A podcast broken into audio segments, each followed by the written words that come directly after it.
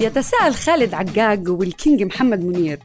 ليه دنيا الواحد بيقرب من ناس بيعال يا دنيا الواحد يتغرب عن ناس شريان. اللي دايما نص... هذا التساؤل موجود عندنا إحنا البشر منذ الأزل. ليش بننجذب للأشخاص الخطأ أو الأشخاص اللي مش مناسبين إلنا؟ أو حتى الأشخاص المؤذيين إلنا أحيانا.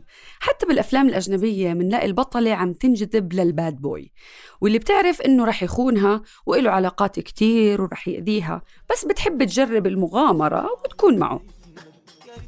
ولو إنه بعدها رح تعيش مأساة وتندم وتسمع هاني شاكر حتى لو إنها أجنبية لأنه هاني شاكر إحساس أكثر من كلام.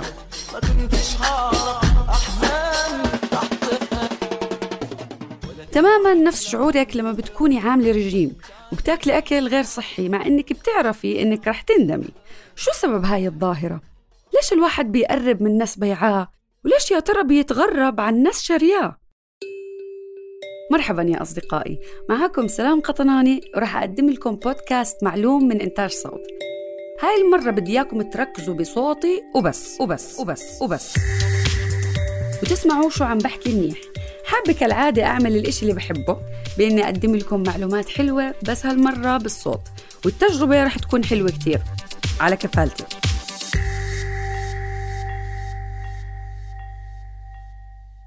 رح نحاول مع بعض اليوم بحلقتنا نفهم هاي الظاهرة ونحللها من عدة جوانب. وخليني أفاجئكم وأبدأ برأي علم الاقتصاد أو ال micro economics لا تخافوا وتروحوا روقوا. رح أشرح لكم الموضوع ببساطة. بالاقتصاد الجزئي أو ال micro economics في مفهوم مهم لازم يكون معلوم وهو مفهوم العرض والطلب.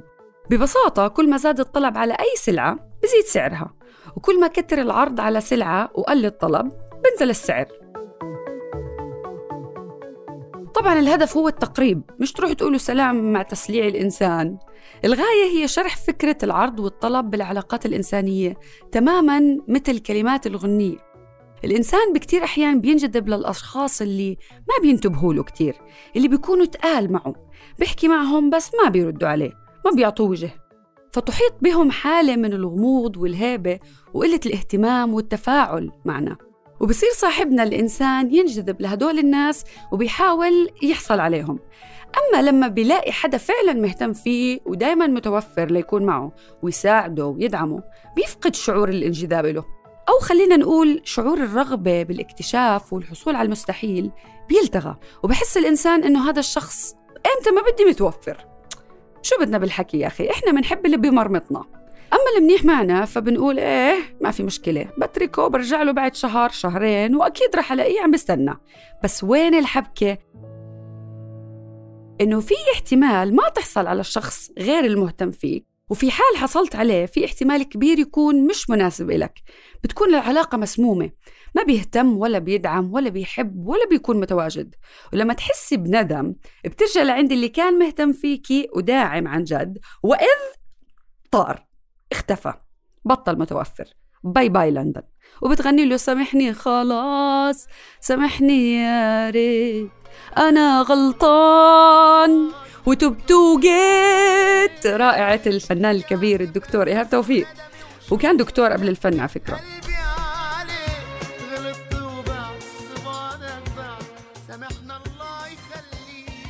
طيب. يمكن هاي الحالة اللي حكيت لكم إياها بتختصر 77% من قصص الأغاني والأفلام الرومانسية. يبحث عن الحب في كل مكان مع أنه كل شيء يحتاجه ويريده كان موجود طوال الوقت بجانبه وهو لا ينتبه. The End.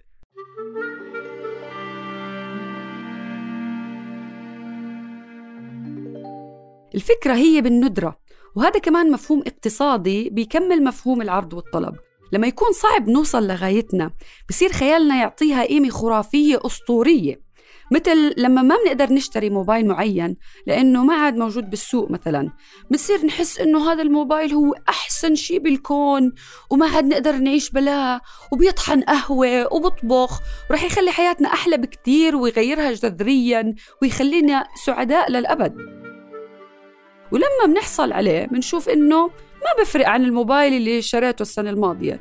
إلا بشغلات بسيطة تكاد تكون غير واضحة. وبيكتشف إنه الموبايل القديم كان فيه كل شيء بس إحنا طورنا حالة نفسية سلبية تجاهه. ما عاد نحبه ولا نحب لونه ولا تصميمه ولا صفاته. بدنا الجديد لأنه الجديد هو الحل.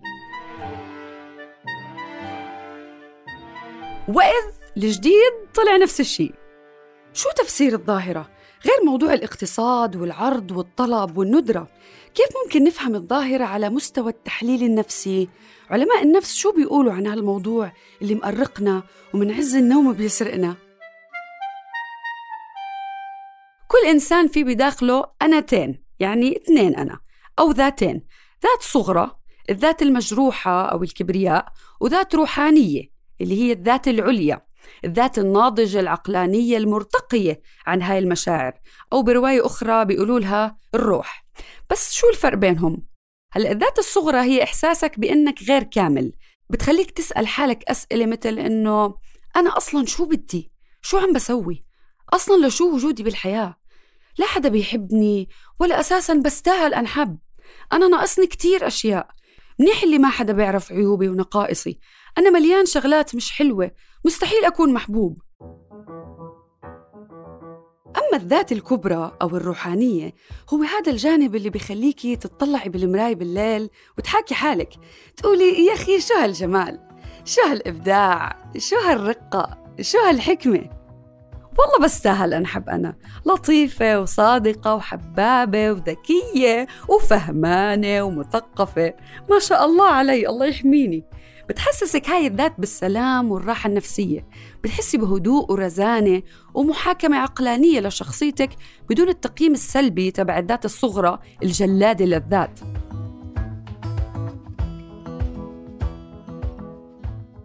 إحنا البشر عموما طول الوقت عم بنعيش واحدة من هدول الذاتين وللأسف كتير منا بعيش بالذات الصغرى. عنا قناعة إنه إحنا مش مهمين وضعاف فبنحس إنه عنا نقص دايما والكبرياء أو الغرور بيتجه للخارج لبراتنا لحتى يحاول يعبي هذا النقص ويكملنا. بنصير بدنا نعمل أموال أكتر نلاقي ناس أحسن بحياتنا شغل أفضل عطل أكتر بيت أكبر دايما عم نسعى لإشي أفضل. والسبب هو شعورنا بالنقص الداخلي ومحاولتنا الدائمة لنعبيه. وبرأينا بس يتعبى رح نكون سعداء والعصافير تزقزق ونفيق الصبح صدرنا مشروح نستقبل الحياة ما استطعنا إليها سبيلا. بس بالواقع للأسف لا ما رح نكون سعداء بهاي الأشياء لأنه طبيعة الذات الصغرى والغرور والكبرياء هم اللي بيحسسونا إنه إحنا دايما ناقصين. شو ما حققنا رح يضل عنا شعور بفجوة بحياتنا. وهاي الذات وهذا الشعور بيكون واضح كتير بالعلاقات العاطفية لأنه بهاي العلاقات بنكون منفتحين أكتر وبالتالي الجرح فيها بيعلم يعني بيترك أثر واضح وطويل الأمد ومأثر على حياتنا. وهذا الإشي بيرجع بجزء كبير منه لطفولتنا. كيف يعني؟ قد يهيأ لكتار منا إنه مع تطور الحياة وانحسار ظاهرة الزواج التقليدي تبع الخطابة ويا أرض احفظي ما عليكي وخالتك بتعرف بنت احمى سلفة جارتكم مناسبة كتير لابنكم. الزواج المدبر يعني. وإنه إحنا بزمننا الحالي صرنا أحرار 100% باختيار شريك حياتنا. بس بالواقع إحنا مش أحرار لهاي الدرجة. طفولتنا وحالتنا النفسية خلالها بتأثر كتير على خياراتنا بهذا الموضوع. انجذابنا لناس معينين وإحساسنا إنه عنا مشاعر تجاههم برجع بكتير أحيان لطفولتنا. بشكل عام مشاعرنا تجاه الآخرين مبنية أساساً على المشاعر اللي انبنت بطفولتنا. وهي المشاعر مش بالضرورة تكون دايماً مشاعر جميلة ولطيفة. أكيد أهلنا بيحبونا حب غير مشروط بس ممكن أحيانا نكون أخذنا مع هذا الحب شوية مشاعر مؤذية بتفاصيل ممكن تكون صغيرة شعور إنه إحنا دايما مش مناح بشكل كافي وشوف ابن خالتك كيف أشطر منك وشوف فلانة كيف بتقعد عاقلة ممكن يكون بدهم مصلحتنا بالآخر بس المشكلة إنه عم برفقوا مشاعر سلبية بتأدي لشعور دائم بإنه إحنا ما عم نرضيهم. أو أحيانا بيكون أحد الوالدين مكتئب وحياته مش سعيدة أو حتى ضعيف ومكسور. بيولد شعور عند الطفل إنه لازم ما يكون منفتح مع حدا بيحبه عن جد يكون حذر ومنغلق أكثر من اللازم أو سهل العطب أو أو. هذا الإشي لشو بيأدي؟ بيأدي لأنه لما بدنا نلاقي شريك ما بندور على حدا يكون لطيف معنا بندور على حدا يحسسنا بشعور مشابه للمشاعر اللي حسيناها بطفولتنا. وبنبعد عن ناس ممكن معهم نكون سعيدين ومبسوطين بس لأنهم ما بيحسسونا بهاي المشاعر السلبية اللي حسيناها بطفولتنا وتعودنا عليها.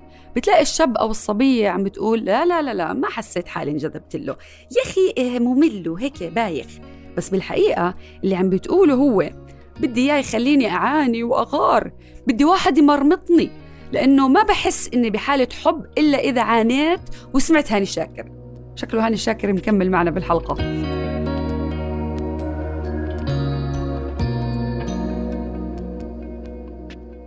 وبالتالي مشاكلنا بتصير بسبب هدول الأشخاص اللي أطباعهم بتشبه أطباع كنا مضطرين نعيش معها بطفولتنا. مثلا إذا الأب أو الأم كانوا بيعيطوا وبيصرخوا كتير الطفل بيكون في براسه معادلة بسيطة. أنا بحب ماما وبابا. زائد هم بيعيطوا معصبين يساوي أنا أكيد مذنب وعامل إشي غلط لحتى يعصبوا علي. ولما يكبر هذا الطفل أو الطفلة ويجي الزوج أو الزوجة يصرخوا عليه بيتولد شعور جواتنا إنه إحنا أكيد غلطانين. عشان هيك عم بيصرخوا مع إنه مش بالضرورة أبدا نكون غلطانين ولا أصلا الحل بيكون بالصراخ. ولسه في احتمال أسوأ. بيكون الشريك أو الشريكة عرف إنه إحنا عنا هيك إحساس وبصير يستغله عاد. هذا النوع من أنواع العلاقات السامة. ابعدوا عنها.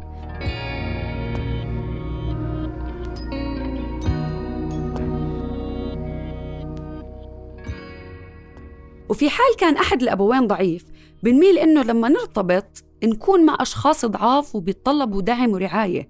وبعد فترة بنصير ننزعج من هاي الحاجة اللي عندهم وبتتولد عنا رغبة الانفصال عن هذا الشخص المتطلب الضعيف اللي ما بيعرف يعتمد على حاله. طبعا هاي الحالات وغيرها بتنتهي بكتير أوقات بأنه أحد الطرفين ينجرح وهذا الجرح بضل معنا وقت طويل. بس شو السبب إنه نفوت بهيك علاقات مع إنه بكتير أحيان بنعرف إنه رح ننجرح؟ الجواب بسيط عشان ننضج ونكبر. آه زي ما سمعتوا. العقل والجانب النفسي تبعنا بيشتغل بطريقة مشابهة للجانب الجسدي على فكرة.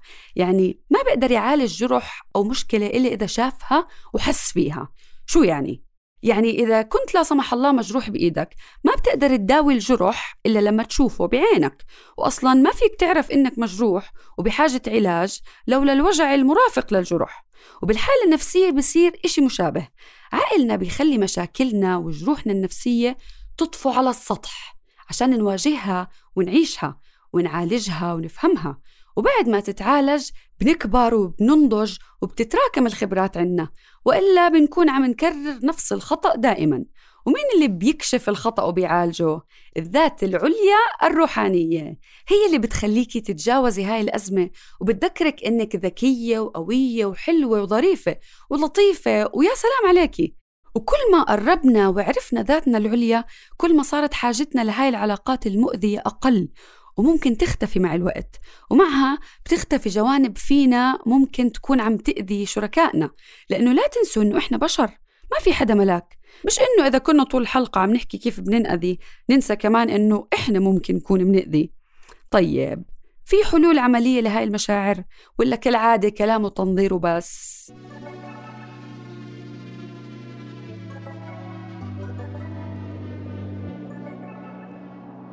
رح أحاول أعطيكم الحلول اللي بيقولوها علماء النفس.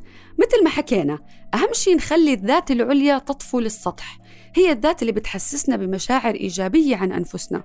وإذا دخلنا بعلاقة مع شخص بيستخدم الصوت العالي ليفرض رأيه مثلا بدل ما نحس إنه آه أكيد إحنا غلطانين هيك قاعد عم بصرخ بنصير نقول بصرخ بعيط مش مشكلتي مشكلته هو حباله الصوتية هو هو حر. أنا مش مضطرة أحس بمشاعر سلبية.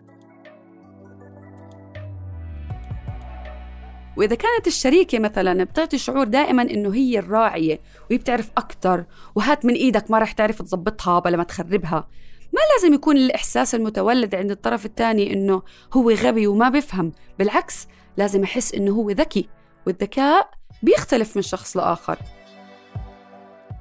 وإذا أحد الطرفين دائما مكتئب وحزين ومكسور مش ضروري نضل نحس بمسؤولية إصلاحه في حال هو ما كان بده يتغير. بنحاول أقصى ما بوسعنا إنه نساعده. بعدين خلص الحياة بدها تكمل. وإذا حدا بيضل يلومنا ويقولنا إنه إحنا غلطانين طول الوقت مش بالضرورة إنه أكيد إحنا بنستاهل. لا أبدا. بنقول إنه لا لا لا لا لا. أنا ما رح أوقع بهذا الفخ. ما رح أحس بهاي المشاعر. إحنا اثنين ناضجين. والأمثلة الثانية كتير. ودائما الاحتمالين موجودين إنه نعتمد على المشاكل والأحاسيس اللي حاملينها من طفولتنا أو نحاول نكبر الأنا العليا الروحانية. موضوع أكيد بده شغل ووعي كبير بس نجاح علاقاتنا وراحتنا وصحتنا النفسية مهمين كتير وبيستاهلوا هذا الجهد. لا تستسلموا للسهل اللي متعودين عليه وتعيشوا حياة كاملة مأساوية. عايشين عمر واحد مش محرزة نعيشه وإحنا مش مبسوطين. والله يجعل كل علاقاتكم مريحة وصحية ويحمي أحبابكم. المهم بنصحكم بالنهاية إذا حابين تعرفوا أكثر عن الموضوع تقرأوا عنه وتتذكروا إنه أنا هون ما عم بعطيكم كل شيء موجود بالعلم عن هاي الفكرة بل عم بعطيكم شوية أفكار من مصادر موثوقة ليصير المفهوم بشكل عام عندكم معلوم.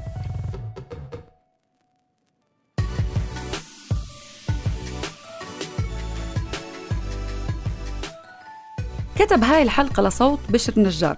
أنتجها صوتيا محمود أبو ندى. قدمت لكم إياها أنا سلام قطناني. بتمنى تكونوا استمتعتوا وبشوفكم بالحلقة الجاية. سلام.